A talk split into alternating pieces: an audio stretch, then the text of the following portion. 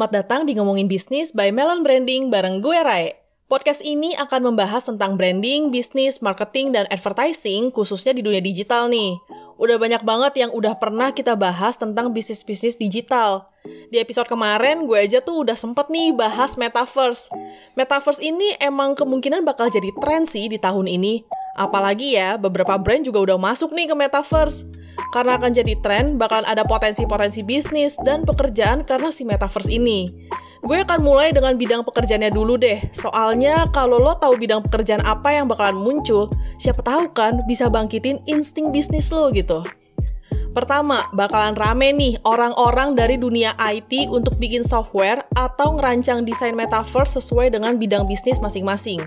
Nah, di sini kelihatan banget kan kalau akan ada banyak brand yang bedol desa nih ke metaverse mereka yang mau ada di metaverse kan perlu constructor engineer metaverse gitu untuk ngerancang kantor atau bangunan di dunia virtual ini yang pastinya udah disesuaikan lah ya dengan kebutuhan masing-masing bisnis gitu. Nah, yang kedua itu ada orang-orang dari cyber security bakalan dicari nih di metaverse ini gitu. Dunia baru ini kan pastinya butuh banyak aturan baru ya yang sesuai sama konteksnya dong pastinya gitu. Kalau dunianya nggak aman, kenapa orang mesti masuk gitu ke sana? Sama kayak dulu orang anggap belanja online itu rawan penipuan. Di satu sisi itu bakalan menghambat kita untuk memaksimalkan internet.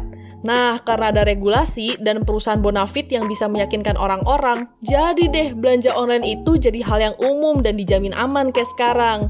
Kalaupun ada yang tipu-tipu, kayaknya kalau sekarang tuh nggak sebanyak dulu deh ya. Karena udah ke filter lebih baik. Kalau lihat konteks ke metaverse, ya bakalan mirip lah 11-12 kayak waktu dulu gitu. Apalagi nih, si metaverse ini bisa koneksiin kita antar negara dan benua.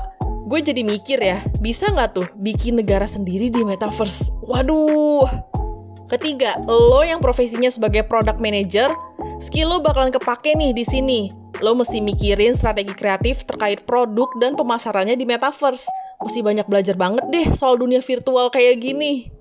Terus yang keempat, yang sekarang tuh ya, yang berkutat di digital marketing, bakalan hijrah juga nih ke metaverse. Kayak yang gue pernah bilang di episode sebelumnya, di mana ada interaksi antar orang gitu ya. Di situ lo bisa ngiklan atau promosiin sesuatu. Sebagai anak digital marketing, lo bakalan masarin produk atau brand di metaverse gitu. Bisa jadi nih, buat lo yang anak agensi ya, bakalan nambah service baru buat brand kalau lo di brand, lo jadi kayak punya another division gitulah yang khusus mikirin pemasaran di metaverse. Kelima, ada juga nih desainer bakalan banyak pindah ya ke metaverse ini, apalagi fashion design gitu. Soalnya bakalan banyak banget nih aksesoris yang mesti dijual untuk mempercakap personal lo di metaverse. Entah itu baju, sepatu, tas, kacamata. Intinya biar lo kelihatan kece lah di sana gitu. Nah, dengan gue spill beberapa profesi yang akan pindahan ke metaverse, jadi kebayang gak sih masa depan bisnis dengan metaverse ini kayak gimana?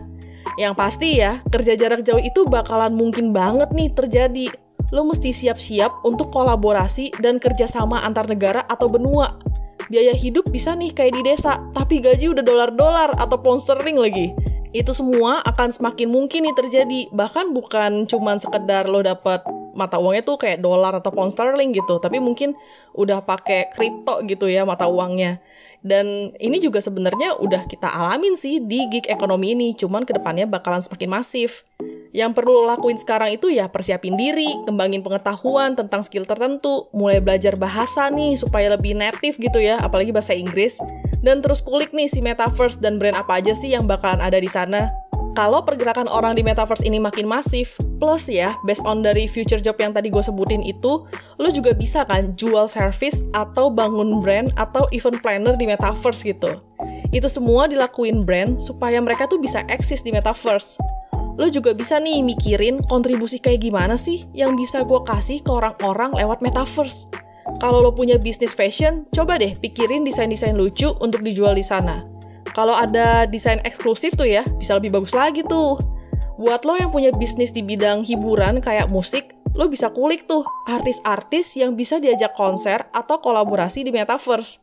Kalau bisnis kuliner, otomotif, atau B2B gimana nih? Wah, kalau ini sih agak tricky ya.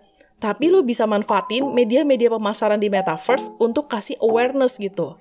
Jadi iklannya di metaverse, ngerasain produknya ya di dunia nyata.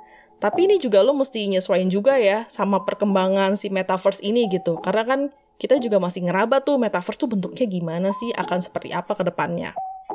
Dunia masa depan kayak gini nih yang emang perlu persiapan banget. Lo udah punya persiapan apa nih buat nyambut metaverse? Jangan sampai gagap teknologi ya, terus jadi ketinggalan deh. Minggu depan gue masih bahas metaverse lagi dari sisi yang lain nih. Dengerin terus podcast ngomongin bisnis dan follow di Spotify supaya lo tetap up to date dengan episode terbaru kita.